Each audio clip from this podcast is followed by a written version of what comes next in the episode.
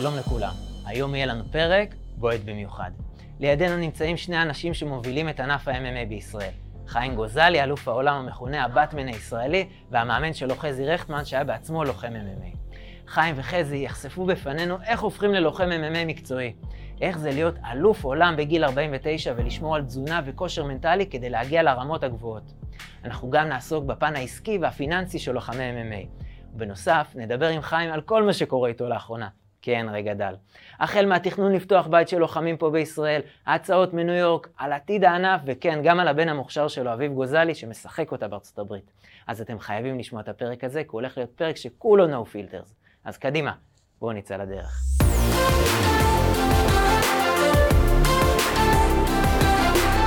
ברוכים הבאים לפודקאסט הדקה ה-90. אנחנו עדיין על המגרש, אבל לא דקה ביום שאחרי. היום מתארחים שני לוחמים, מה זה לוחמים? של MMA, חיים גוזלי וחזי רכטמן. יס, yes. בוקר טוב לכם. בוקר טוב. מה שלומכם, הכל בסדר? וואלה, כן. אין רגע דל איתך. אהבתם אותי בשש היום. אה, כן, הכל טוב. כן. חיים, אין רגע דל בזמן האחרון, אה? מה קורה? לא, אין, איזה רגע דל? חיים גוזלי, איך יכול להיות לי רגע דל, תגיד? אליפות עולם. אנחנו רק על הפרק הזה, כמה פעמים דחינו אותו. היה אליפות עולם, היה... היה את ה... תאונת דרכים. תאונת דרכים. תאונת דרכים. אה, מעצרים.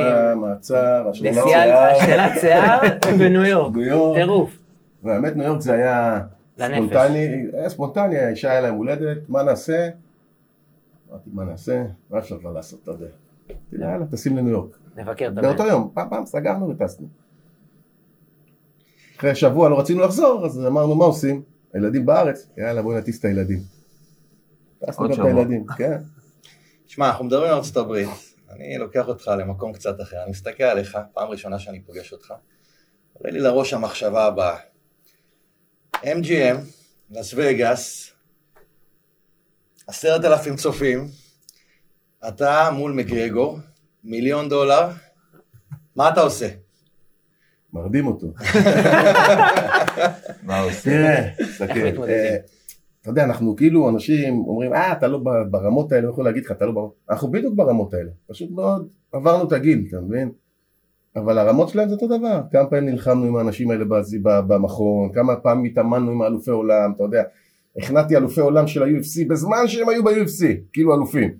אבל זה הכל, אתה יודע, באימונים וכאלה, אז אתה יודע, בגלל הגיל, בגלל המיקום שלנו, בגלל איפה נולדנו, אף פעם לא הגענו לשם. אבל הדור הצעיר יכול לעשות את זה.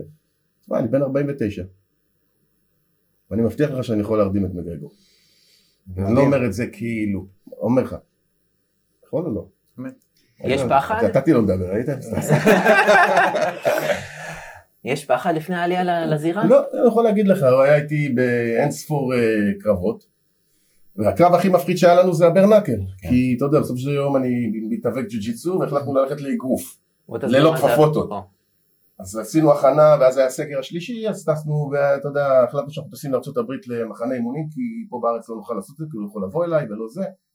היה עולה על הנושאים. הוא הפך אותי למתאגרף בחודשיים. תחשוב שכל הקרבות MMA שלי אולי נתתי אגרוף אחד במשך עשרים ומשהו שנה. היה לי רקע אבל זה לא היה לא לא הייתי. הוא הפך אותי למתאגרף שאפו לו הוא הפך אותי למתאגרף וגם כשאנחנו עולים לקרב הזה, אתה יודע שזה כאילו בשבילי מקום אחר, ואני לא יודע מה הולך להיות, וזה, איך היינו בחדר הלבשה? תספר להם אתה. היה, היה צחוקים. ו- לא הרבה שונה מכאן. כן, אתה יודע, ככה, ככה אני. וצוחקים, ומספר בדיחות, ויאללה טאק, ופי, ובום, אתה יודע, ואני צריך לעלות, פחד? לא צריך לעלות לקרב.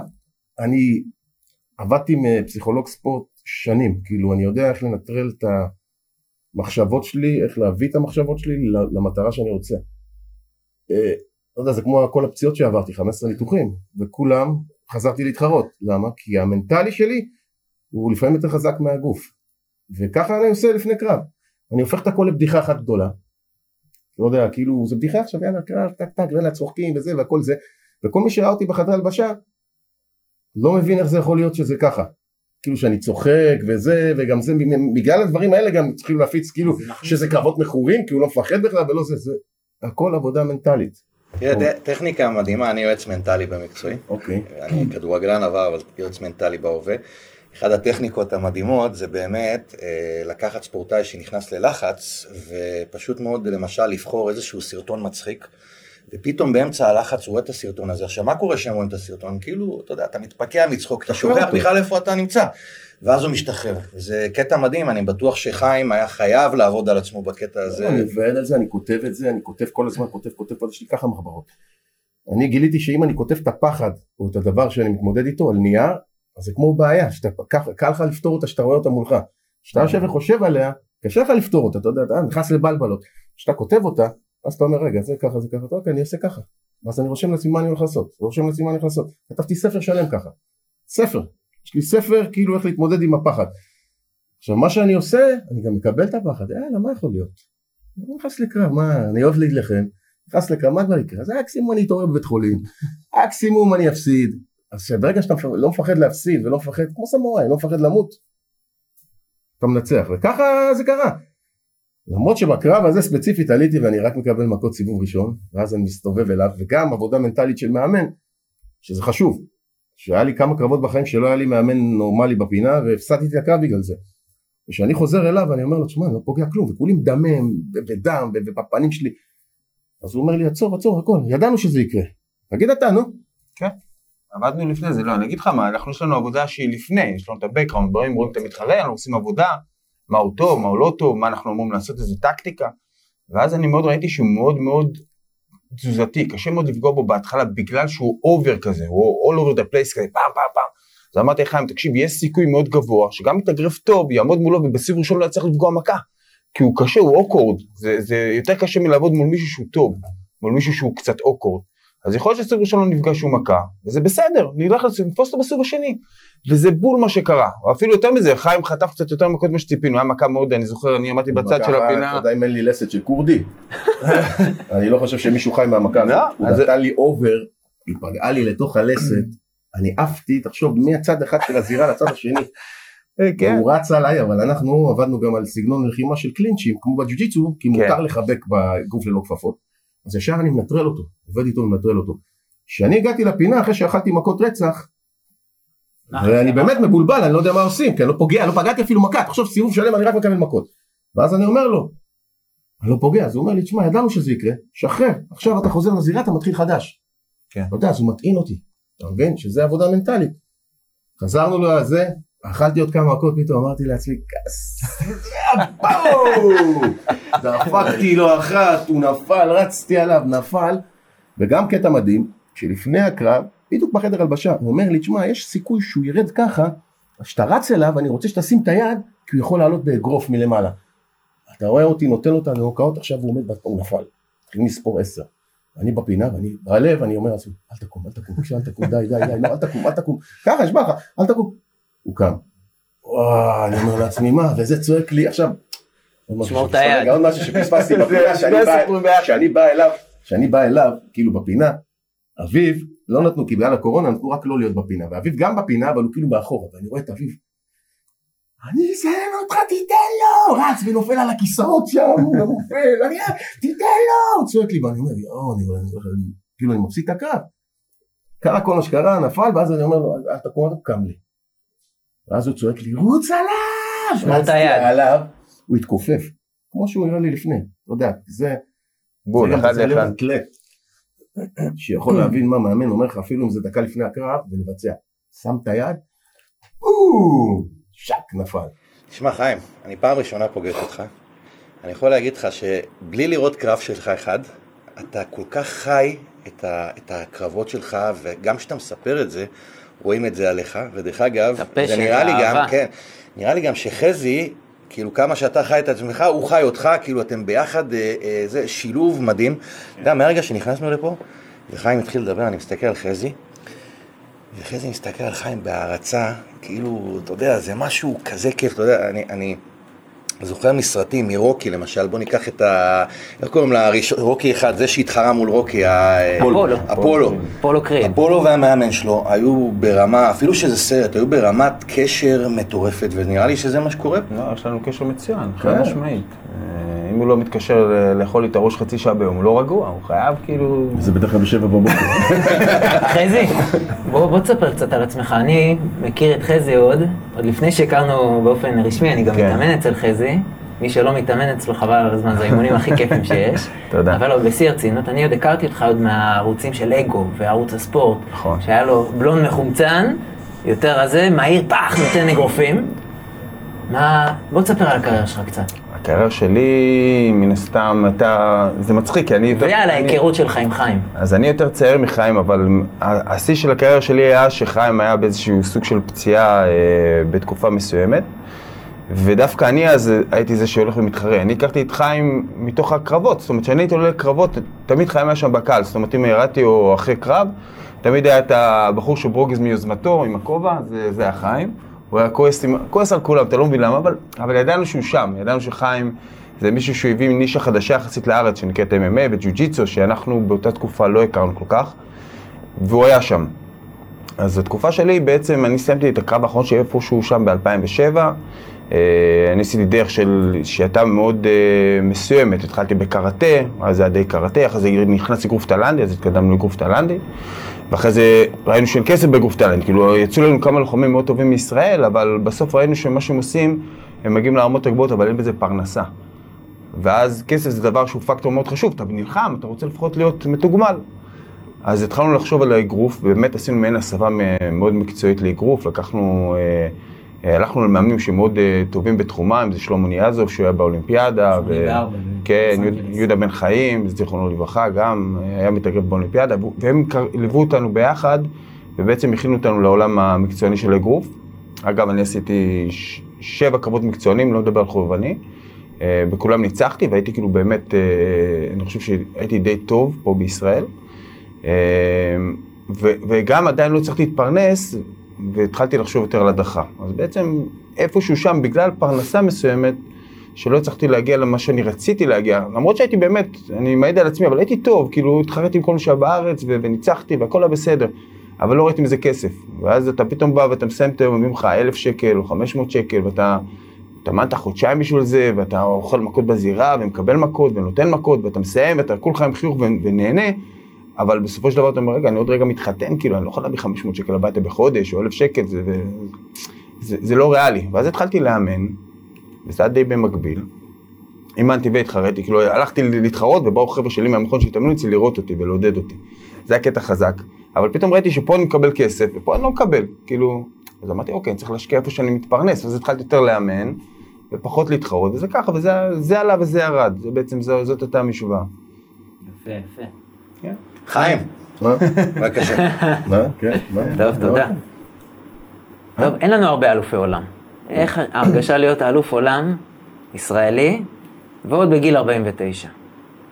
או שלגיל אין... פעם, אני אלוף עולם ב- בארגון מסוים, אתה יודע, יש אוקיי. הרבה שאתה יודע. בוא תסביר, אני- Real Fight אתה יודע Promotion. כן, Real Fight Promotion זה ארגון אה, אוקראיני שהוא די גדול באירופה, היום באירוע המאה שלהם אני חושב. אוקיי. אירוע יציב שעובד הרבה שנים. אה, אתה יודע, אני אלוף אצלהם, במשקל עד 85 קילו. לקחתי את הקר- את האליפות לפני שנה. שנה? כן. כשהתחילה הקורונה. כן. ועכשיו אה, הגנתי על התואר. אוקיי. אתה יודע, אז אה, יש לך את כל הקנאים למיניהם וכל השונאים למיניהם, אה, זה לא ה-UFC, זה לא הזה, זה לא... יש מלא ארגונים, יש מלא דברים, נכון שזה לא ה-UFC וזה לא בלאטור וזה לא הארגון הגדול, אבל אני גם בן 49, אתה יודע. אז זה לא... יש לי. שאלה שמתקשרת למה שגם אה, חזי אמר, מבחינה כלכלית. אני ראיתי סטטיסטיקה די מטורפת, שמדברת על ה-UFC, שהם בעצם הלוחמים של ה-UFC מקבלים הכי פחות מכל הענפים אה, את ההכנסות מאותם, אה, כן. מאותם אירועים. זאת אומרת, קודם הם כל- מקבלים באזור 19 אחוז, אוקיי? אותם ספ- ספורטאים, אותם לוחמים מקבלים 19 אחוז בלבד מאותן הכנסות. לעומת זאת בבלאטור מקבלים אזור 46 ובענפים כמו NBA, בייסבול, זה פוטבול יותר לקראת אבל זה ה-50-60. הבעלים של אה, UFC. אה, מה הסיפור שם? רצה- 400 רצה- מיליון דולר. רצה למכור את ה-UFC ב-5 מיליון דולר לפני 20 ש- אה, לפני 10 שנים. והיום הוא שווה 500 מיליון דולר, אתה מבין? מה הסיפור שם? כי בסופו של דבר מקרגו וכל החבר'ה מרוויחים הכי הרבה, זה הספורטאים שמרוויחים הכי הרבה בעולם. הוא נותן- למי? שמוכר. לו טוב, מוכר- למי שמוכר לו טוב, מקבל שם כסף. הפערים הם מאוד גדולים, אין- כן. אין מידל, יש או שאתה למטה או שאתה למעלה, אין אמצע כאילו. כן. אה, תשמע, בגלל שיש ארגון אחד שקוראים לו UFC, והוא מחזיק את כולם בביצים, ואי אפשר להתחכם איתם יותר מדי.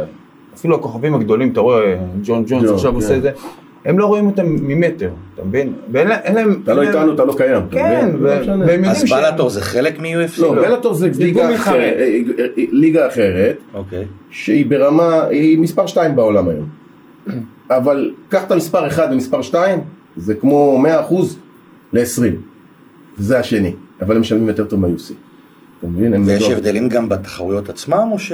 לא, לא, לא, יש הרבה אותם, לוחמים, אה, יש הרבה לוחמים שאתה יודע, בבלאטור שיכולים... הבן שלו חתום הבן שלי שם. בבלאטור, כן. אה, יש הרבה לוחמים, מה זה הרבה? אתה יודע, רוב הטופ הם יכולים להתחרות ב-UFC חד משמעית, בטופ, זה לא... כן. אין פה עניין של כאילו שם יותר טובים, פה יותר טובים. שם יותר מפורסמים. כן. אז האוהד אוקיי. הממוצע יגיד לך, מה זה, מי זה זה לעומת זה? כי אה, מה הייחודיות של אה, של ה-UFC? הם בונים כוכבים. לוקחים אותך, עושים אותך כוכב. מכונה. בלאטור לא מעניין אותם. מכונה משומנת. הם עושים לך כוכב. אתה מבין? הם עושים לך כוכב עוד לפני שאתה כוכב. ואז אנשים כבר רוצים לראות אותך, יואו, יואו, זה, זה, זה, זה, אתה מבין? זה יוצר להם את הכסף. נותנים לך מעטפת גם? ל- מה, ללוחם?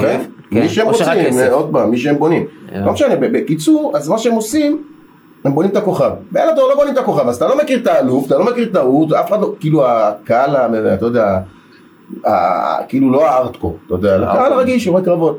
אז הם לא יודעים, אז בשבילם מה זה, זה סתם, אלה אלה הורגים אותם, אתה מבין? וזה מה שיוצר פה, אבל ב- ב- ב- באמת, הרמה היא שווה. אתה יודע, אותו דבר, הנה עכשיו היה קרב מההוא ש...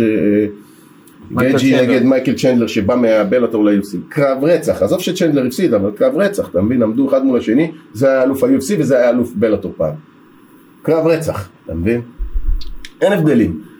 רק בפרסום, שהם בונים כוכבים, ואתה יודע, הם עלו על, על, על, על הקונספט איך להצליח. לא, הם עושים את זה מדהים, יש להם כן. טכניקות, הם כל אחד שמנצח קרב הוא נהיה כוכב. מלא כוכבים גם אה, שהם. בנו, התפוצצו להם בפנים, כן, אתה. יודע.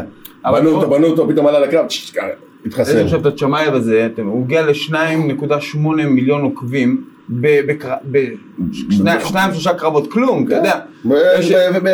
לך, ב- תחשוב פחות משנה. כן, 2.8 מיליון עוקבים וזה בטח כבר יותר. בכ- בכלום. יש לך את אה, מקי, שהוא 16-17-0 בבלאטור, אולי עם אה, כמה? 200-300 אלף עוקבים, כאילו, זה איזה פערים. 200? ב- בלחץ 100. אתה מבין? זה 100. זה מטורף. זה כאילו הבדלים ההבדלים זה מטורפים. משנה הכל. זה. Game Changer, זה לא רק ה... זה מראה לך- את החשיפה. קח פה תוכנית ריאליטי בארץ, זה זה הכי. קטן, קח פה תוכנית ריאליטי. אתה שם אחד שהוא שום וכלום. אתה מבין? נותן לו פרסום, מתחיל לפמפם אותו במדיה, הוא פתאום קופץ לך למעלה ואין לו מה להציע בכלל, אתה מבין? ולעומת זאת קח אחד כמוני, שנלחם בכל העולם, מניף את הדגל בכל מקום בעולם, מקללים אותי, מאיימים עליי, איומים כל היום בטלפון, נרצח אותך, נהרוג אותך כי אתה יהודי, כי אתה ישראלי, אבל אני מעמד להם עם הדגל בפנים, רבע מהעוקבים שלהם, אתה מבין? כי המדיה, אם תפמפם, אם עכשיו החליטו סתם המדיה לפמפם את חיים, אז אני אראה לך, אתה מבין? וזה מה שב-UFC עושים, הם מפמפמים את הלוחמים. נותנים להם סרטי תעודה, אתה יודע, דוקומנטרים כאלה לפני הקרב, אחרי הקרב, אתה יודע, ביום יום שלהם אז. הם עושים הכל יותר טוב, כן. הצילום שלהם נראה יותר טוב, ההפקה הכל. שלהם נראה יותר טוב, זה- זה משהו אחר, אתה רואה, את ה- אתה גם, בתור אחד שמכיר, אתה רואה את הצילום, אתה נהנה ממנו. יותר, חד משמעית. חוויה, חוויה ענקית. החוויה היא אחרת. אני עכשיו הייתי, ב- נקודה. עכשיו הייתי חי במדיסון סקוויר גרדן, היה להם אירוע, שהייתי בניו אוקיי. יורק. אתה אני יושב שם, נלחמתי שם דרך אגב, פעמיים. ואני אומר, קודם כל נלחמנו פה, אללה, אתה רואה את האולם, אתה איזה רואה. גודל הוא. ואני אומר, נלחמנו פה, אבל האנרגיות של ה-UFC זה משהו אחר, אתה יודע, זה, זה משהו אחר. לא יודע, לא הרגשתי את האנרגיות כי הייתי בזירה, אני לא יודע מה היה בקהל, אבל, לא, יש אנרגיות. גם האנר- אבל האנרגיות שם זה היה וואו. אתה מבין? והשדרן אומר, מוחמד עלי התחרה פה, זה התחרה פה, ואני אומר, גם אני, גם הוא אומר גם- אותי. גם אני, גם אני. תשמע חיים, משהו מעניין, אתה לפעמים נוסע לקרב, מתכונן אליו ממש ממש ממש הרבה מאוד זמן, ואז מגיע קרב, 30 שניות, ונגמר. חמש שניות. גם. חמש שניות, נגמר. מה, מה עושים במצב כזה? כאילו איך אתה, את האנרגיות, אתה איך, יודע, איך אתה מתייחס לזה? שמחים, אתה יודע, אין פה, כל ניצחון זה ניצחון בסופו של דבר. אתה מבסוט. יותר זמן לחגוג. אני אגיד לך מה, אם תיקח את הקרבות שניצחתי, בשלוש, היה לי, היה לי חמש שניות, שזה היה הכי מטורף בעולם, זה גם סיפור בפני עצמו. שזה עם אחד- אה, רגל, עם יד, עם רגל, והיה לי אחד של 43 שניות שזה המקום השני בבלאטור בהכנעה המהירה במשקל שלי. ותקח את הקרבות שהפסדתי בהם סיבובים שלמים של מכות ו- וזיעה ודם ופיצוצים ותגיד לי אתה חייב לוותר על משהו בקריירה שלך. שח... אני מוותר על הניצחונות.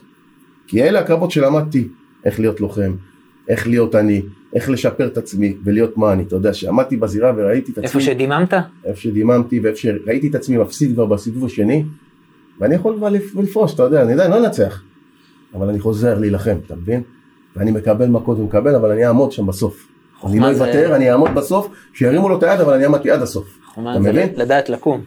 הבנת? זה הקרבות שיותר מעניינים אותי מהניצחונות של החמש שניות ושל ה-40 שניות, הם לא מעניינים אותי בכלל. שם אה, בחנת את עצמך באמת. שם ידעתי שאני לוחם אמיתי. כן, למה אנחנו עולים הרבה פעמים? לבחון את עצמנו. אתה רוצה? לדעת כמה אתה שווה, כמה אתה טוב. שם ידעתי. שאני, שיש, שזה אני, וזה גם, הכל בגיל מבוגר, זה לא עכשיו שהייתי צעיר, אתה יודע, כי הקריירה שלי התחילה בגיל די מבוגר, בגלל פציעה שהייתה לי שהייתי צעיר, ותביעות של ביטוחים וזה, אז הייתי, אתה יודע, שנים מחוץ לספורט.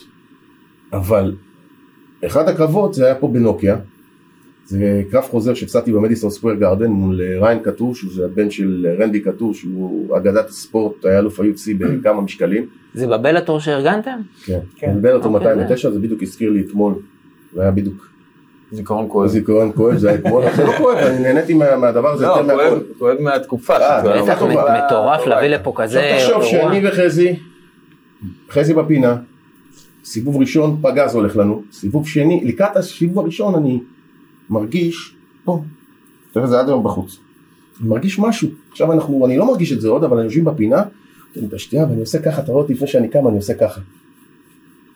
משהו מציק. משהו מציק לי.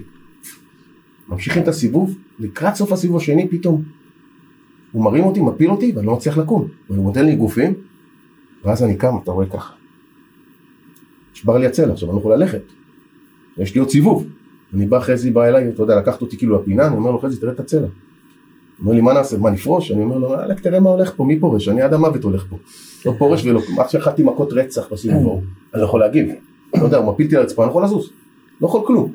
והוא דופק בום, בום, ואז הקריסטלים זזו לי, אתה יודע. יש לי בעיה בקריסטלים, אתה יודע, כי עם הרבה מכות לראש. לפעמים הם זזים לי, אז אתה יודע, מקבל את הוורטיגו. שאני בתוך קרב, והכל מסתובב לי ככה. אתה יודע, הוא דופק לי ואני מסתובב, ואני אומר, אני מתרכז על, ה, על העמוד, שיחזור לי האיזון. אתה יודע, ואני מושך, מושך, מושך, והפסדתי את הקרב, אתה מבין? וואלה, הקהל הריע לי, אני חושב, יותר מקרב שניצחתי. אני חושב שניצחת את את עצמך. זה היה ניצחון עצמי. זה מדהים. קמתי, ואז אתה יודע, אתה רואה זה ככה, ואז. מדברים איתי, אני אומר להם, תסתכלו. הרגשתי את זה כבר בסיבוב, אני לא ידעתי שזה היה בסיבוב הראשון. רק אחרי שראיתי את הוידאו, הבנתי שבסיבוב הראשון אני כבר עושה ככה. אתה מבין? יכול להיות שזה התחיל והייתה מכה אני שנתנה... חושב שזה בערך נתנה לי. בוא- נתנה בואו. נדבר על כסף. יש לי שאלה איך, שאלה זה שאלה הבאה. שאלה, יש להם לא, בדיוק התקשרו, אתה רוצה לענות להם? אמיתי, איך- לוחם MMA מתפרנס? בטח בארץ, אני אגיד לך ואיך- מה. איך אני מתפרנסים? איך זה הולך? איך אני- המנגנון? בארץ אתה לא מתפרנס מכלום. אה, אין כסף בארץ. אתה עולה לק- לקרבות זה, אתה יודע, 500 עד 1,000 דולר. עוד פעם, בעולם, אם חתמת בארגון גדול כמו בלאטור, אתה יכול להגיע לעשרות אלפי דולרים, זה חוזים שעולים, עולים, עולים, עולים, עולים כל הזמן. פר קרב. כן, עולים, עולים. תגיע ל... אתה יודע, ל-20, 15 הראשונים, אתה תגיע למאות אלפי דולרים. כן. UFC, ייתנו לך פחות. ייתנו לך פחות, אבל יהיה לך יותר תהילה, אתה תהיה יותר מפורסם, ויכול להיות שהפרסום הזה, אם תצליח לעמוד שם ולהתמודד שם, אז הפרסום הזה יביא לך את הכסף הגדול. בסופו של דבר, אבל זה, זה, אתה יודע, תביא זה סיפור טוב, ואז... בגיל שלי. אתה לא אוקיי. עושה שום דבר כפרה, אתה נלחם בשביל כלום, באמת. לא מוכנים לשלם, לא מוכנים זה, אתה יודע, אז אני נוסע לקרבות של... אה, היו תקופות שעשית כסף. לא, היה תקופות, ברור שהייתי בלאדור וזה, כן. אבל... אתה יודע, היום אני עושה את זה בשביל לא, הכיף, אה, ממש בשביל הכיף. לא, אבל היה שינוי גדול מאז שנכנס הקורונה, שהוא כן. די, הוא ריסק את הענף לא רק פה, בכל העולם. כן. נתן, פתאום אין קהל, אז הם לא מכניסים כסף, הם לא רוצים להוציא כסף. לקחת לי את. השאלה. כן, כן. מה איך הקורונה השפיעה באמת? הקורונה השפיעה, גר אותנו. חד משמעית, אה, תראה, אה, ה-UFC שזה הארגון הכי גדול, תראה כמה הם יצירתיים, בנו להם אי באבו דאבי, בנו לעצמם אי, ש- שרק אנשים בלי קורונה, בדיקות זה, מגיעים, יוצאים, אני. אכלתי, נפילה כלכלית מהקורונה. כולם, קודם כל היה לי חברת אבטחה במשך אה, 11 שנה. רק מועדונים. בום, קורונה באה, אין מועדונים. אין מועדונים, אתה לא יכול להחזיק את העובדים יותר. אתה יודע, עכשיו אתה צריך, כולם עם קורסים, כולם מוכשרים, אתה- אתה לא יכול להחזיק אותם, כל אחד הלך לעבודה אחרת. שנה שלמה, יותר משנה אפילו, לא היה מועדונים. פשיטת רגל. אבל פשיטת רגל, כאילו סגירת החברה, ואתה יודע, עכשיו זה בשלבים של אה, לסגור אותה לצמיתות. לא אישי אבל, חדלות פירעון של החברה, אבל לא, לא אישי. מה זה לא אישי? פשיטת רגל זה... לא, לא עושה פשיטת רגל, אה, רוצה לסגור את החברה. כאילו, פירוק של אין החברה, פשיטת רגל, לא בסדר. חייב עכשיו כספים. לא, לא, סבבה. לא. אני קורא לזה פשיטת רגל, כאילו, כי אתה יודע, הלך לי חברה, בוא'נה, הלך לי כן, חברה כן. בפרויקט חיים שבניתי 11 אותו בידיים שלי, אתה 11 יודע. להרבה אחרים בקורונה. לא כן, לא עכשיו צחוק. תשמע, עוד לא משהו. מה היה ההכנסה השנייה שלי? זה הקרבות ובלאטור. מה קרה? אין אירועים יותר. כן. לא נלחם, בלאטור לא מגיעים לארץ, ואני ביום בהיר וצח מוצא את עצמי בלי הכנסה בכלל. הקרבות האלה שאני עושה, הקטנים האלה, זה הפרנסה היחידה. איך מביאים עוד פעם את הבלאטור לפה? כרגע הם. לא, כרגע הם רק התחילו להופיע בעולם, ומשום מה הם לא, לא, עוד לא רוצים להכניס אותנו ל- ללוז, אני לא יודע מה, אני מנסה פה, שם, משגע אותם, אתה יודע, שולח להם, אפילו אתה יודע עכשיו שהזכיר לי הפייסבוק את הבלאטורים, כי זה תמיד בנובמבר, זה, זה התאריכים שלנו. כן. 16 נובמבר, 15 נובמבר, 14 נובמבר, זה התאריכים שהיה כל השנים, תמיד בנובמבר בתאריכים האלה. דרך אגב, זה היה צריך להיות היום, 18 לנובמבר, נכון, יום חמישי. סגור. כן. היום היה צריך להיות בלאטור. לפי התכנון. אה, כן, קטע. 18 היום, מה ביום אתה עושה חמישי. וואלה, עכשיו במקום שאני אתכונן לקרב ואני פה יושב איתכם. אז רגע, חיים, יש אחריך הרבה עוקבים, ואתה בסך הכל מאוד מאוד מפורסם. ובכל זאת, אה, אתה יודע, זה עולם גם שאני מכיר שיש הרבה ספונסרים שיכולים להיות. לא ו- בארץ. לא? קשה, בארץ, קשה לא בארץ. אה, בארץ הספונסרים עוד לא הבינו את את הערך. המוס- את הערך של הספונסר ואת המושג של ספונסר. קודם כל, סוף שנה אתה צריך לשלם, החברה שאתה צריך לשלם מס הכנסה. ספונסר זה הוצאה מוכרת, אתה מבין? אז מה אכפת לך במקום לשלם למדינת ישראל, תטפח איזה ספורטאי צעיר או מבוגר. אתה מבין? מה הבעיה? זה אותו דבר. בסופו של יום אתה תשלם את הסכום הזה למדינת ישראל. תוציא את הסכום הזה, תקבל חשבונית, זו הוצאה מוכרת, אתה יודע. אבל לא הבינו את זה פה. בוא תראה בארצות הברית. איזה חברות, אתה יודע, ספונסרים של לוחמים. נייקי, אדידס, אתה רואה דברים, אתה משתגע. אתה יודע, חברות, אה, אה, בתי חולים, ספונסרים של לוחמים. חזי סיפר לי שבוע שעבר סיפור, אני קראתי מצחוק, שהלכת ל- לאיזה בר בארצות אה, הברית, כן. בוא תספר. אני לא, הייתי עם אה, שני לוחמים בארצות הברית בפורטלנד, והבחור שהפיק שם את האירוע, לקח אותנו לבר, כאילו, אה, לשבת כזה, לאכול איזה משהו וזה, לכמה ימים לפני הקרב. אז אנחנו יושבים בזה, אנחנו אוכלים, עכשיו היה סול, אתה זוכר אותו עם הזקן? אז הוא ראה איזה בחור שם עם זקן, כל שהם זקנים כאלה, מכובדים. אז מסתכל על הזקן, אז הבחור עושה לו, מה, אתה מקנא בזקן שלו? הוא אומר לי, כן, איזה זקן. אז הוא אומר לו, תסתכל, תסתכל. הוא אומר לו, brother, come here, וזה, הוא מדבר איתו, אתה יודע. אה, חבר שלי וזה, הוא פה לוחם, תראה איזה זקן יש לו. אתה יודע, עכשיו אני, מלכתחילה הסיטואציה נראית לי מוכר, אתה יושב בבר, מישהו אומר לך, בוא רגע, אתה שר, מה אתה רוצה? זה היה תגובה ישראלית, אתה יודע. הוא בא, מדבר איתו, כן, בוא נזמין אותך לבירה, ככה, אתה יודע, מה זה זורם? והוא אומר לו ככה וזה, כן, אני מפיק אירועי MMA וזה וזה וזה. הוא אומר לו, אה, באמת, אני ככה, אני גם רוצה לתרום, כן, קח, 5,000 דולר. רשמנו לו צ'ק מול העיניים שלי, 5,000 דולר, אני מוכן לתרום, יש לי עסק למנופים, לא זוכר מה היה לו. אתה, ואני אומר, אני ככה, ואני בהלם. אני יושב שם, אני מסתכל על רז וסול, מסתכלים עליי, אני אומר, תקשיב, אתה יודע מה קורה בישראל, אתה אומר מישהו, בוא בוא רגע, והוא אומר לא, לו, אתה תקבל מכות. ואתה אומר לו, אתה אומר לו, תביא ספונסר שיפ, יאללה, הוא הורג אותך באותו לא, רגע. כל הספונסרים הכי גדולים שלי היו בארצות הברית, תחשוב על זה. אין, בישראל אנשים לא, אני הוצאתי. סכומים מטורפים שם היו נותנים לי. אתה יודע, הקהילה היהודית בכלל נמצאה אותי, אתה יודע, לקחו אותי, הקהילה היהודית.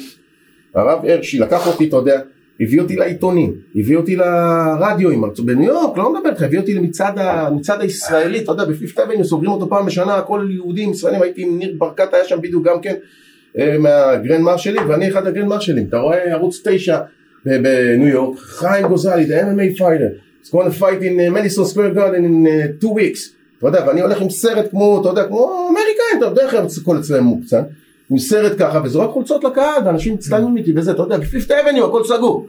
גדול. פה בארץ עושים לי פוזה להיכנס למועדון. מי אתה? מה אני? תגיד לי מה אתה דפוק? סגרו תמיד את זה, את הפיפט אבניו בשבילנו. אתה אומר לי, אתה סתם צוחק עם דיברנו על. הקליטות, דיברנו על הקליטה. ניסיתי לחשוב מי מעז להגיד לו מי אתה. זה לא הבעיה, אבל יש לך גם את זה, יש לך גם את זה פה, יש לך גם את זה, אתה יודע, גם את זה יש לך פה. בארץ. אתה בא בארצות הברית, תראה איזה כבוד נותנים לנו. מה, אגיד לו, היית איתי אחרי הקרבות, אני בא, מי מדבר איתנו בכלל? וואו, רק מכניסים אותנו, אתה יודע, אנחנו נכנסים אני ואביב למדיסון סקוויר גרדן, עכשיו סיפרתי לך את זה, ל- לקרב, כאילו ל-UFC. אני והוא נכנסים, מה שלי, הבן אדם הראשון שרואה אותנו, לא, I don't believe it, וגוזלי, I have to take a picture. אתה קולט מדיסון סקוויר גרדן, אני ואביב, כאילו, שתי ישראלים. גאווה? אתה מבין? כאילו, יש לנו הכרה בעולם הלחימה, כן. בתור אבא ובן, אתה מבין? ואנשים מכירים אותנו, קהל. אביב גם לא פראייר. ופה בארץ, איזה הכרה? איזה זה? בא לי עכשיו ההוא, עושה לי... אה, למה כבר- לא מחבקים את כבר ה-MMA שבוע אני? פותח עליהם בתקשורת, אני לא זוכר איך קוראים לס- לסגן שר הזה, שהחליט לעשות שגרירים, שגרירים לא רשמיים של התרבות והספורט. אוקיי. הוא בחר שם אנשים, וואלה אני לא יודע מישהו, מה, מה הקטע? יש שם שתיים שאני יכול להגיד שכן נלחמו להסברה ב, ב, בזמן המלחמה שזה ערן זהבי, שהעלה פוסטים וזה, שתנועה תשבי, שהיא כל היום בעד אה, נלחמת בזה, חוץ משניהם, הביא לי את השחקן NBA הזה שאני לא יודע אפילו איך קוראים לו, החדש הזה, הביא לי את... אה, דני אבדיה. כן, הביא לי את הבחורה הזאת, היא שיחקה ב- בנטפליקס בדתיים, בסרט הזה, גם לא יודע איך קוראים לה בכלל. הביא לי את השף אסף גרנית, עשיתי איתו כמה דברים משותפים, ומי עוד היה שם? ואת הזמרת הזאת מהאירוויזיון. אוקיי. מה, איזה שגרירים? כל אחד עם קריירה של מיליונים. איזה שגרירים? אתה יודע מה זה שגריר? זה אחד שעולה וכולם מקללים אותו ועולה עם הדגל ככה, ושם להם את השיר אה, מלאכי השלום ועולה לקר- לקרב. עם כובע של מגן דוד וציצית. אתה מבין? זה שגריר. מופיע בכל העולם, מניף את הדגל, זה שגריר. כל היום נלחם בשונאי ישראל באינסטגרם וזה, זה שגריר. אתה בוחר לי אנשים בגלל שהתקשורת בחרה בהם? בגלל שהם מפורסמים בתקשורת? תבחר את השגרירים האמיתיים. אלה שבאמת נלחמים, אלה שלא עושים מיליונים. נוסעים לקרבות באוקראינה שחצי מהעולם רוצה לרצוח אותך ואתה בא להם עם הדגל ככה פרוס בעיניים. תגיד לו, אומר לך. אמר לך. אתה מבין? וואלה, אתה יודע, אני כבר כתבתי על זה חמש פוסטים. אני, זה לא עובר לי. אתה יודע, אתה אני לא- הגעתי למצב שאני אומר, בוא נעזוב את הארץ, לא רוצה לחיות פה. אני יכול לפתוח מקום בארצות הברית, יש לי קרבות שם, הציעו לי גם איזה כמה הצעות טובות. אני אומר לה, בוא נעבור לארצות הברית. וואלה, הבן שלי גר שם. נהנה מכל רגע. נוסע על מכונית שפה אנחנו יכולים לחלום עליה, ששווה בית. לא לא סתירה קצת? זה, מאוד מאוד מאוד עצבן אותי באמת. מאוד, אה, ציוני, באמת נלחם- מאוד אני ארץ באמת ישראל. נלחם בשביל המדינה. אני באמת אה, עושה דברים, באמת. מי שעוקב אחריי יודע שאני כל היום, זה נטו ישראל. נטו אנחנו והדגל והזה, וכל הקרבות שלי זה ככה, כולם יודעים, הסמנים שלי זה הכובעים של מגן דוד, החולצות שלי אין חולצה שלי שלא יהיה כתוב יש- ישראל, או זה ישראלי זה ישראלי, כן. תמיד לא יהיה דבר כזה, תמיד עם הדגל, תמיד יש לי דגל שהולך איתי כבר 20 שנה, אותו דגל, אתה יודע, דגל המזל, תמיד איתו. אני אראה לך תמונות במדיסון סקוויר גרדן, בת ים ישראל מסכים בגודל יותר גדולים מהאולפן הזה, כתוב בת ים ישראל ואני הולך עם הדגל עליי ככה ועם כובע מגן דוד. קרבות בברים, תגיד לו, ברים אח שלי, ברים כמו בסרטים. אתה בא במקום, אתה, מפחד, פחדנו לעלות לקרב, אני אומר, אני אומר, הייתי במדיסון סקוויר גרדן ואני אומר לו בוא נפחד לעלות פה יותר מפחיד מה- מהמדיסון. ברים אח שלי חשוכים במדינות ברוסיה, שתבין, לאן, מה עשינו, ברנקלים, הכל. והכל תמיד, קודם כל ישראל.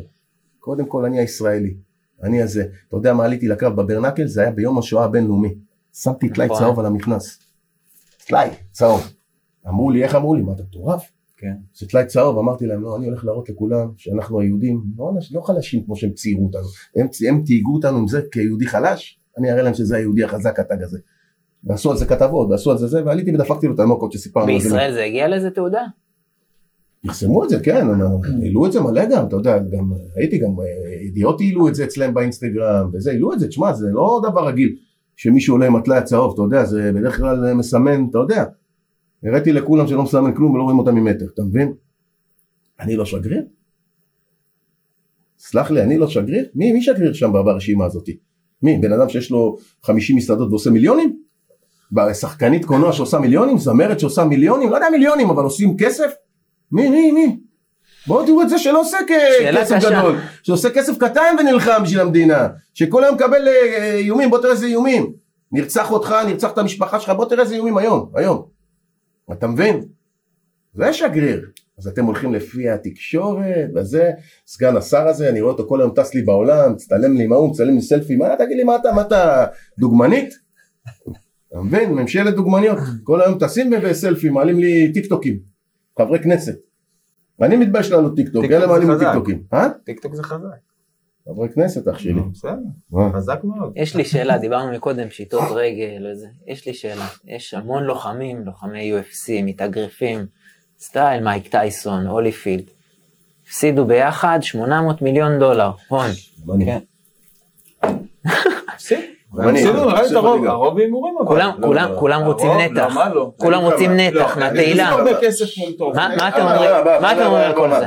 אני, עזוב, אני לא רוצה לפתוח את המילה, אבל. אני נגיד, זה אותו דבר, תמיד יש לך את הפמליה, כל כל מקום שטסתי קו קרבות, בחייאת רבאק, הרווחתי רבע מהקרב, בזבזתי פי שבע על המחנה אימונים, מטיס איתך 200 איש, אתה מבין? אמזון רק עובדים אצלי, אתה יודע, מה, אני משם באמריקה, מזכיר לך דירות, מזכיר לך מכוניות, מביא לך פמליות, כולם אצלי, תחשוב אני עולה בקו במדיסון סקוויר גרדן, יש לי חמש חדרים במלון, שמאופסנים שם החברים, המאמנים, הדודים, האחים, אתה יודע, כל אחד בחדר, אח שלי זה, זה מאות דולרים, אתה יודע כמה אני הפסדתי בסוף ככה? מה נשאר? לחשוב, למה? מה אני נשאר פה? בטופ עכשיו, וואלה יש לי כסף, אני עושה כסף ואני בטופ, אח שלי הפסדתי את התחתונים בסוף, פתאום שנשארת בלי כלום, מישהו אכפת לו בכלל? מישהו מסתכל עליך? לא? אז אתה מדבר איתי על מייק טייסון? אלה נכנס לחנות, קונה רולקס, קונה לכולם רולקסים, אתה מבין? קונה מרצדס, כולם מקבלים מרצדס, איך לא יפסידו את הכסף שלהם? אתה מבין? ועזוב שהימורים גם, אתה יודע, הימורים שלהם זה זה חזק, אתה יודע, הנה, כשיש לך כסף אז אתה תהמר 100, 200 אלף דולר, אתה מבין? נכון. אתה לא תהמר באיזה, אתה מבין? ב-100 שקל, אז ככה זה, אתה מבין? וזה מה שקורה. הם עושים סכומים שהם מעבר לכל דמיון. אח שלי, אבל הם חיים בסכומים האלה. אני לא עשיתי סכומים כאלה, עשיתי כאלה, אבל חייתי בסכומים האלה. ואז טיפה אתה מתפזר, כי אתה חי, שאתה חושב שהכל, זה בדיוק. הכאב, זה בדיוק. הכאב, זה אתה הכאב של חושב הספורטאים. שהכל שלך, תהילה התהילה זה המחלה, אתה מבין? מי שלא יודע. להשתלט על התהילה הזאת, כן. זה המחלה. כולם מסביב, זה למה כתבתי את הספר. שאמרתי לך, זה למה זה, כי ישבתי עם עצמי ועשיתי חושבים איך הגעתי למצב הזה. אתה יודע, זה לא קל לבן אדם להיות מיליונר ופתאום להיות רגיל, זה לא קל. לא. ואני אוכל על זה סרטים, הוא יכול להגיד לך מהבוקר עד הערב. מהבוקר עד הערב אני עובד על עצמי יום יום. אתה יודע, לא קל. לא קל שאתה רוצה לקנות כל דבר אתה יכול ופתאום אתה לא יכול לקנות כל דבר.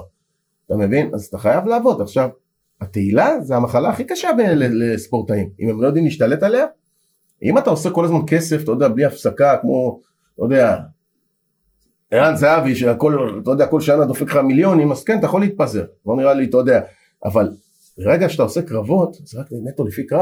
אה, מבין אנשים- מה קורה אנשים פה? גדולים ממנו נפלו, חיים. אז אתה לא- פתאום אין קרב, מה קורה? אתה ממשיך לחיות אותו דבר. אתה מבין? זה לא משכורת גבוהה, אתה מבין? וזה הנפילה, ככה אנשים מתרסקים.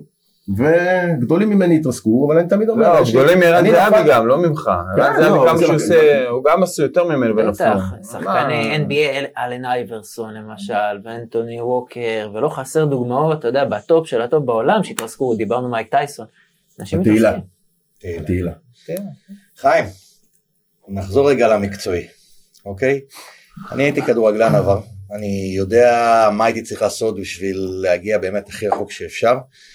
ב-MMA, איך, איך ספורטאי בונה את עצמו, איך, אה, מה עשית בשביל להגיע למקום שאתה נמצא בו היום? תראה, אני מבוגר, אני, אתה יודע... עדיין, זה- עשית, עשית כמה עשיתי, מהלכים. כן, אבל זה לא הדרכים שעכשיו צעיר צריך לעשות. אתה יודע, כשאנחנו התחלנו לא היה כלום. התחלנו מקלטות וידאו. היינו רואים קלטות וידאו, הולכים להתחרות, אתה יודע, לא ידענו. היום ספורטאי, אתה יודע, יש את הדרך כבר. הוא מתחיל להתאמן, הוא הולך, הוא צריך, לא יודע, את הסוגי אימונים, אתה יודע, אימוני כושר, אנחנו לא ידענו את זה בכלל. היינו מתאמנים נטו הלחימה זה אימוני כושר. עכשיו נגיד אתה, צריך לדעת האבקות, אתה הולך לאימוני האבקות, אתה הולך לאימוני גרוף, אתה הולך לאימוני גוף תאילנדי, לאימוני ג'ו-ג'יטסו, אתה מחבר את הכל ביחד, אתה מבין? היום יש ללוחם מסלול.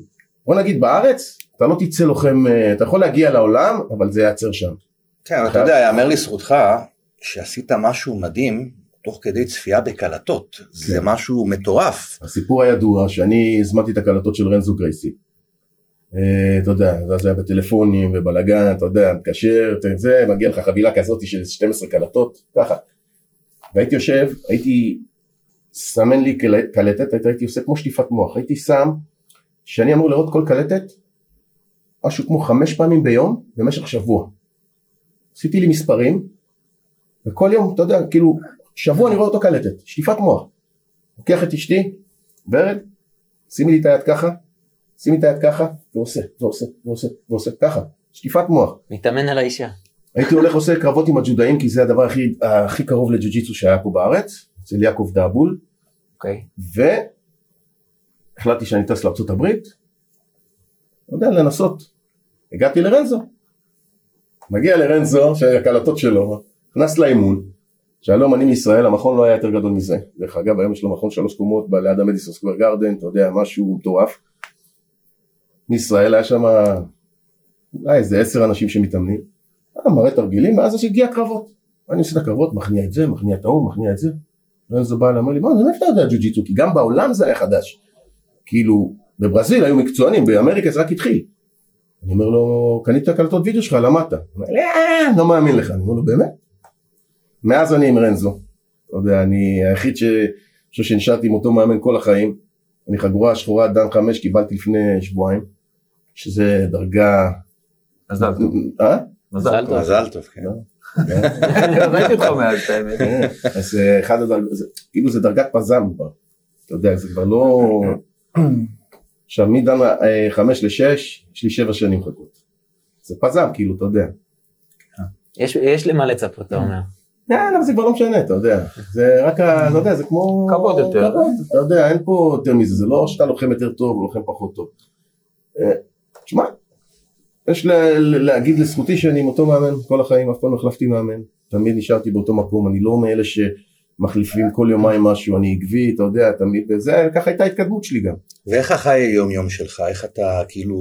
עכשיו נכנסת לעניינים, התחלת את ה-MMA, איך, איך היום יום של ספורטאי? זה לפני כמו... קרב. לפני קרב, אבל אתה יודע, נגיד סתם דוגמה, אני מסתכל על הספורטאי הכי מקצוען בעולם היום, רונלדו, שאתה יודע, הוא יודע בפיפס מה הוא עושה, מה הוא אוכל בבוקר, מתי הוא צריך ללכת לחדר כושר, מתי הוא צריך לעשות מתיחות, הוא יודע הכל אותו בפיפס. דבר. אותו דבר. יש לנו, יש לי תזונאי, אה, גילי מישראל בודי גם, אתה יודע, צמוד איתי כמה שנים. כל קרב, אני, אצלי זה משקלים שונים, אתה יודע, כל קרב יכול לך פתאום לעלות לך ב-100 קילו, פתאום ב-70 קילו, אתה יודע. אז לכל סוג של קרב, או סוג של משקל, הוא נותן לי את התפריטים שלי, הכל מסודר, לוקח איתי את האוכל לאימונים, ואז אנחנו מתחילים להתאמן. יש לי אימוני כושר, שאני עושה עם מאמן כושר. יש לי את האימונים איתו שאנחנו עושים מגוף ו-MMA. יש לי את האימוני ג'ו-ג'יצו שאני עושה עם חבר'ה של ג'ו-ג'יצו, אתה מבין? אני מחלק את היום, יוצא לי בסביבות, היום בגילי, ארבע שעות ביום, אבל מישהו צעיר יותר צריך להגיע לשש שעות לפחות ביום של אימונים, זה כולל, אתה יודע, טיפולים, מסאז'ים, סאונות, אה, אוכל, חלבונים, בלאגן, אתה יודע, זה ממש סדר, סדר. השמירה על הגוף במקצוע. כזה מטורפת. קריטי. יש הבדל אבל בין כדורגל שמשחקים כל שבוע לבין אה, לוחם שיכול להיות פתאום חודשיים שלוש אין לו קרב אז העצימות היא משתנה. אני בטוח ש... אני לא יודע איך כדורגלן מתאמן אבל אני בטוח בגלל שיש משחק כל שבוע הוא מתאמן בצורה יותר אה, אה, עקבית.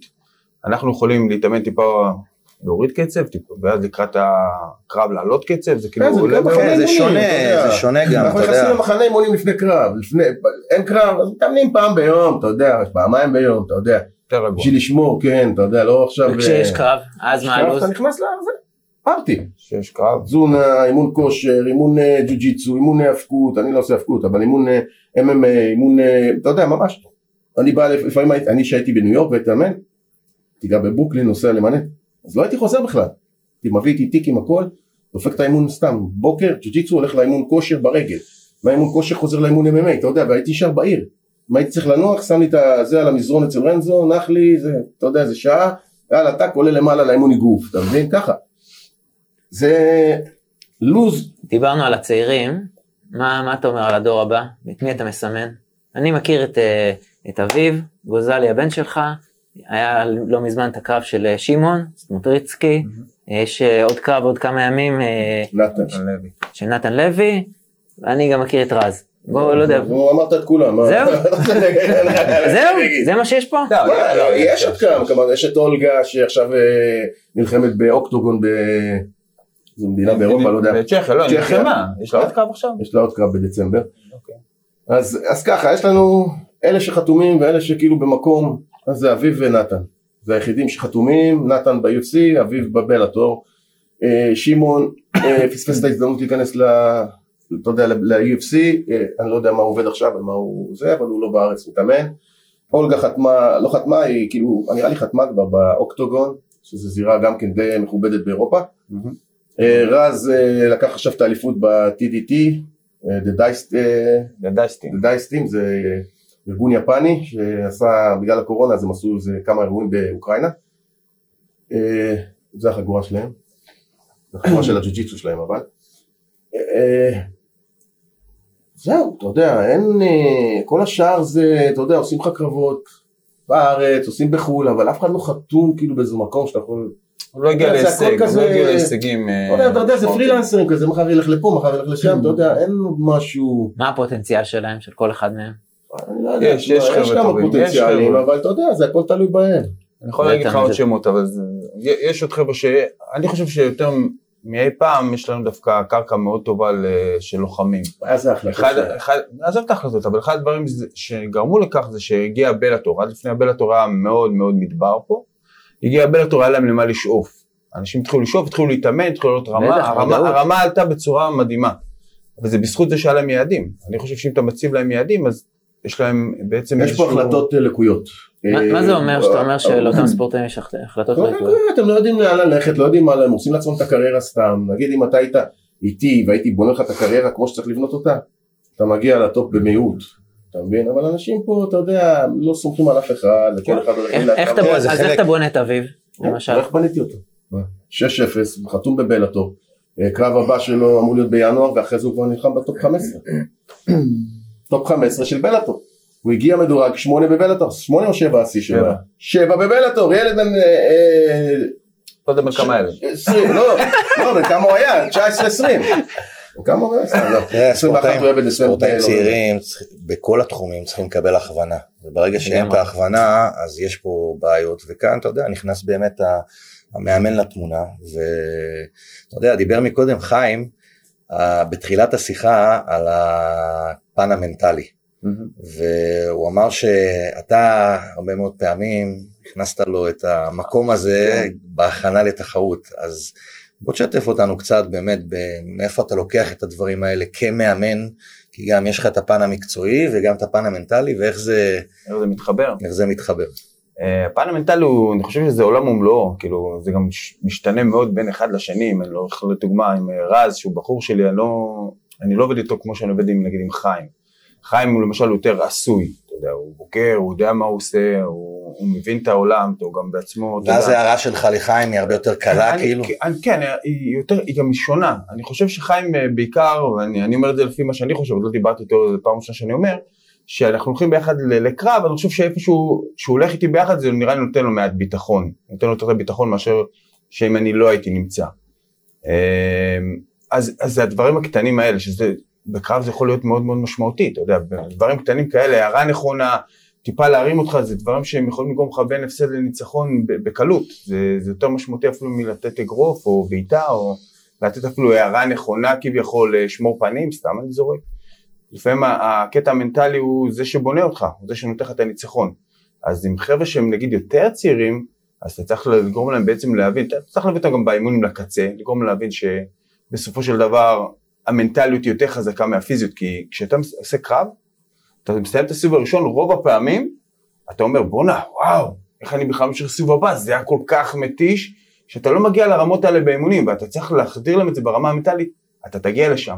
ככה אתה תרגיש, אתה תשב בכ- בכ- בכיסא, ואתה תגיד בואנה, איך אני קם, ואתה תקום. יש איזה- קטע מנטלי מ- מאגרוף שאני הבאתי במהלך הדרך ורואים שם איזה בחור שפעמיים נופל לרצפה ומפיל את הדבר הזה שהוא מכניס לפה כן. ואז הוא הולך למאמן ופתאום המאמן מסתכל. ראית את זה, וואו מדהים, דייגו קוראלס. דייגו קוראלס, וואי מדהים, אתה רואה את המאמן מסתכל, you got now to get inside of him now, and you know, אתה רואה פתאום כאילו נכנס איזשהו משאב רוח מטורף ב- זה. בספורטאי. חיים, אתה מרגישים את זה? מה שסיפרתי בהתחלה, ככה הוא עשה לי בדיוק בברנקל. כן. בדיוק ככה, אני באתי מובס, אני באתי כאילו לא פגעתי מכה, אני מגיע מובס, בראש אני מובס, אני מפסיד את הקו היום. עכשיו גם יש סטטיסטיקה, אם אני לא מנצח סיבוב ראשון, אני מפסיד. כן. זה סטטיסטיקה, ככה הקרבות שלי. עכשיו קצת עברנו אותה, היה לנו כן. כמה קרבות סיבוב שני, אבל זה הסטטיסטיקה. אז אני כבר מגיע לסיבוב שני, כבר יורד לי, אתה מבין? כי אני יודע, רוח. אני מפסיד את הקרב, הנה עברתי את הסיבוב הראשון. לא ניצחתי, אתה מבין? ואז הוא מטעין אותך מחדש, זה הטענה. אתה יודע, לפעמים המילה הקטנה הזאת, הדבר הנכון, ברגע הנכון, זה מה שעושה את הכל. זה עשה, לי זה עשה. אה, זה, זה גם הכנה נכונה, זה באמת, התחלתי לדבר מקודם על בעצם שראינו את היריב וראינו שהוא תזונתי והכל, אז אה, די, היינו, די הייתי מוכן לזה, די אמרנו את זה, וכשהזכרתי לו, זה כאילו שכח את זה, אתה יודע, אתה בקול הזה, הוא כאילו, ש... ואתה אומר, אז אמרנו, מקבל ידענו שזה מה ש... שקיבלתי, אתה שוכח גם איך קוראים לפעמים, אתה יודע. אז לא, אז אתה פתאום מזכיר לו, ידענו שזה מה שהולך להיות, הלו, תעורר, חדש, יאללה, אנחנו עכשיו סיבוב שני, נתפוס אותו בשני. שתראה, יש דברים שאתה רואה בעיניים שלך מהצד. חד משמעית, שלא רואים מבפנים.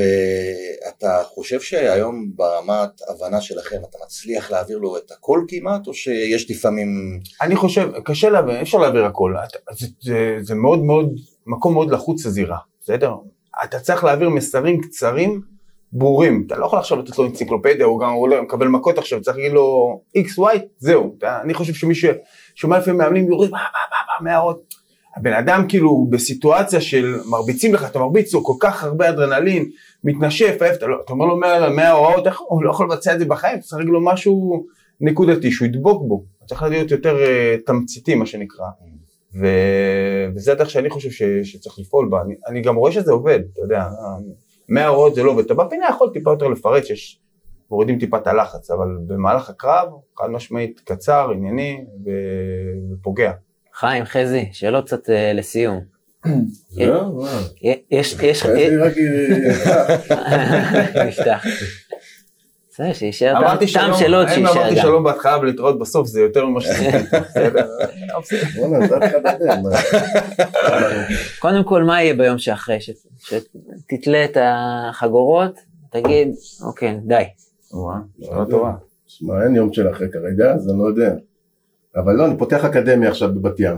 הנה, בבקשה. יש? יש יום שאחרי. לא, כן, אני התחלתי, כאילו, לקחתי כבר מקום, קניתי כבר את כל הציוד, רק אני אין לי כוח אה, להתחיל את השיפוץ, אבל הכל מוכן, כאילו, אה, אני מאמין ששבוע הבא אני אתחיל את השיפוץ, אה, תוך חוד- חודש וחצי כבר יהיה אקדמיה. זה השלב הראשון, להתחיל לאמן, להתחיל להכין דורות של לוחמים, וגם אני בניתי שם איזה פינה כזאת של, יש לי גג שם וזה, שהולך להיות שם הרבה זירה לחדד את הדורות הצעירים, כאילו, אתה יודע, בלי שירשמו להם ברקורד וזה, רק לניסיון, ניסיון, לפתח אותם, שזה יהיה פעם בשבועיים עם קהל וזה, אתה יודע, אירועים קטנים כאלה, משהו סבבה. שייכנסו לסיבוב השני כבר שידעו כן, מה זה. שידעו, תשמע, שירגיש צריך שזה להשחיז שלי. אותם, בלי שיהיה להם רקורד, שאתה יודע, יארס. כי הרקורד הרי נהרס, אתה מבין, כן. אתה עושה קרב, מה שאמרתי שכאילו, יכולים עושים את הבחירות הנכונות, עושים קרבות רק בשביל הקרב, ואז נהיה להם, הרקורד נהרס, והיום כשאתה מגיע לארגונים הגדולים, מסתכלים על התעודת זהות שלך ולחימה, זה עובד לשני הכיוונים, גם אם יש לך רקורד מנופח זה גם לא טוב, כי אם אתה בא עכשיו עם אה, 20-0 לא אמת. ואתה עשית קרבות עם ילדים ויש לך מקצועני 20-0 פתאום אוקיי זה 20-0 בוא חביבי יש לנו את אלוף העולם, כן. אתה אומר ככה אתה יודע, קבל נוקאוט אנשים- כזה אחד. אנשים לא צריכים, קרה לכמה ישראלים. קרה לכמה ישראלים, לא. שכאילו הגיעו לי רקורדים משוגעים, ואז אמרו להם, בוא תשמע, יש לי את האלוף של הזירה הזאתי, בוא תעשה איתו קרב. מבחינת הרקורד הם מתאימים, זה, כן, זה, אבל זה עשה לך פה עם ילדים, ב- ב- ב- ב- אתה יודע, שזה חוג בשבילהם, אתה יודע, שבאים להתאמן פעם ב... ואלה עשו לך בזירות, אתה יודע, הם רוצחים, יענו, אתה מבין? אז אה, אני מרגיש גם חיים, אתה יודע שיש לך איזה צעד אחר. שיש לך צעד קצת יותר רגיש, ומעבר לזה שנותן הרבה. שבעצם אני ראיתי ש... ושמעתי שאתה גם אה, עוזר לאסירים להשתקם, ויש לך תוכניות גם מעבר, אשמח גם לשמוע. זה פרויקט של, אה, של הפרקליטות, אתה יודע, יש להם כאילו כל מיני, לא אסירים, אתה יודע, כאלה שהם אנשים נורמליים חדה. שעשו עבירות, אוקיי, אבל הם נורמטיביים, אתה יודע, טעו וזה, אז יש להם איזה פרויקט שיקום, אז עכשיו הם אה, לקחו אותי, אנחנו הולכים לעשות שיתוף פעולה, שאני כאילו מדריך אותם לחזור, אה. לא לחזור עם אנשים נורמליים שפשוט עשו טעות, אלא אתה יודע, נחזור לתלם. זה כן, להיות הכל טוב, לא קרה כלום. אותו דבר יש לי פרויקט שאני עכשיו מרים, אה, ל... לא יודע, דיברתי עם עיריית בת ים וזה, לכל הילדים, אה, נוער בסיכון. נוער בסיכון וכאלה, אתה יודע. לה- לעשות אותם ספורטאים, שיהיו ספורטאים. ופרויקט שרציתי לעשות עם משטרת ישראל, שזה שוטרת קטנה עצרה לי את זה, וזה לא יצא לפועל, אוקיי. אבל החלטתי שבאקדמיה שלי אני אעשה פעמיים בשבוע חינם לכל כוחות הביטחון, מי שרוצה לבוא, יש לכם מימון. חינם, זה יהיה שוטרים וחיילים, חינם, זה פרויקט שאני בונה, אבל אתה יודע, עוד הכל על הנייר, אני אאמן את הגנבים, אנחנו נעשה כזה כן, תחרות. ויש גם מימון לגנבים וכלבים וחתולים. וזהו, זה כמה פרויקטים שאני בונה לעזור. לפתח את מדינת ישראל כאילו לצד הטוב. כן, ראו לא להערכה. יעצרו אותי עוד הפעם על... אה, לפני סיום חיים, אתה בן 49, אתה עדיין חי את זה. יש עוד אה, חלומות? אנחנו, אני רוצה להיכנס עוד פעם לזירות הגדולות. עוד פעם אחת. אנחנו עובדים על זה, יש כמה מגעים, אבל עוד פעם אחת. לא אכפת לי לקבל מכות, להפסיד, העיקר להיות שם עוד פעם אחת. מדהים, מדהים, השראה. השראה. אין עליכם. טוב, יש לי ככה, אנחנו בכל פרק, יש לנו פינת הטיפים. שלוש טיפים מכם, איך להיות הלוחם, אה? יש לך כסף? איך להיות הלוחם MMA הכי טוב שאפשר. שוב, קודם כל זה התמדה, רצון ויכולת, אתה מבין? אתה צריך ללכת עם ה... אם יש לך רצון, אתה מתמיד, אמונה, אתה תגיע למקום ה... לאן שאתה רוצה, אתה מבין? זה, זה, זה בכל תחום בזה, אם לא יהיה לך את הרצון, לא יהיה לך את האמונה ולא יהיה לך את ההתמדה, אתה לא תגיע לאף מקום. אז אם אתה התחלת משהו ואתה רוצה להיות שם, כל הזמן תתמיד. הדבר השני שלי, אל תחליף מאמנים כל שני וחמישי. תשאר עם אחד שידריך אותך להגיע למקום הנכון, עד, עד איפה שצריך, לא כל יומיים להחליף ולא לשמוע לכל עצה של כל אחד, וזה מה שהורס פה את הספורטאים בארץ. מה הטיפ שלך?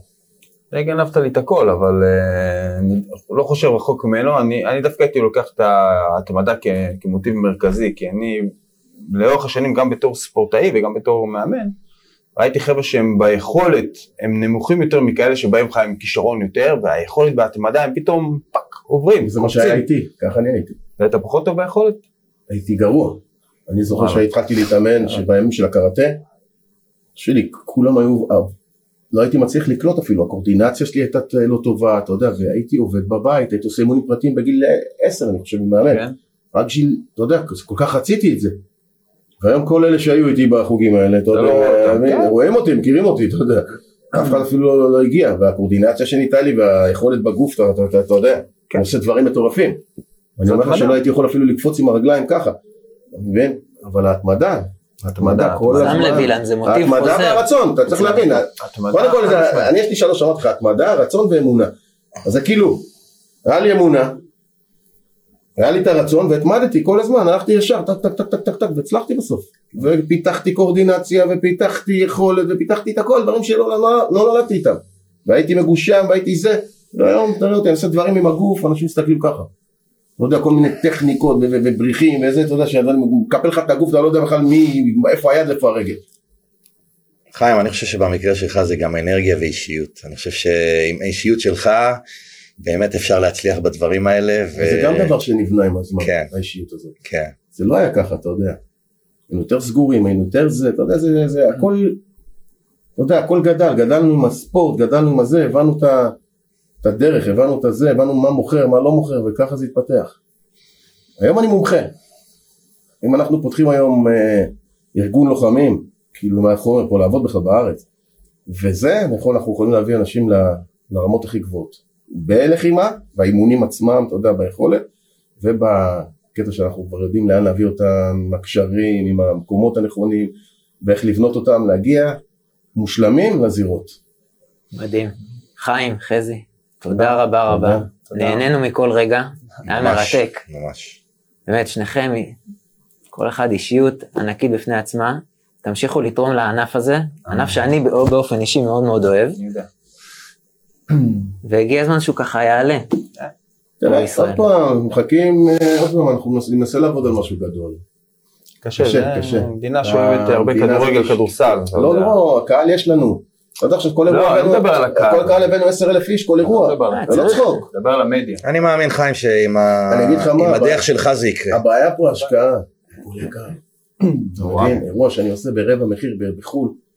אתה מבין? פה עולה לי סכומים מטורפים, אתה מבין? עכשיו אתה גם אם תכניס את כל העולם מלא. אתה לא יכול לכסות את האירוע, אתה מבין? כן, הוא נועד לכישלון. אתה מבין? זה כאילו על הקשקשים, כאילו אתה בין להפסיד ובין לעשות איזה משכורת. הימור. גדול מדי, כל מי שעשה פה עובר קרבות ב- בסופו של דבר וניסה להרים, תמיד בסופו של דבר הוא אחד, שתיים, בום נפילה. קשה, קשה. בנימה אופטימית זו, תודה שהזמנתם אותנו. שמחנו, שמחנו. אחלה.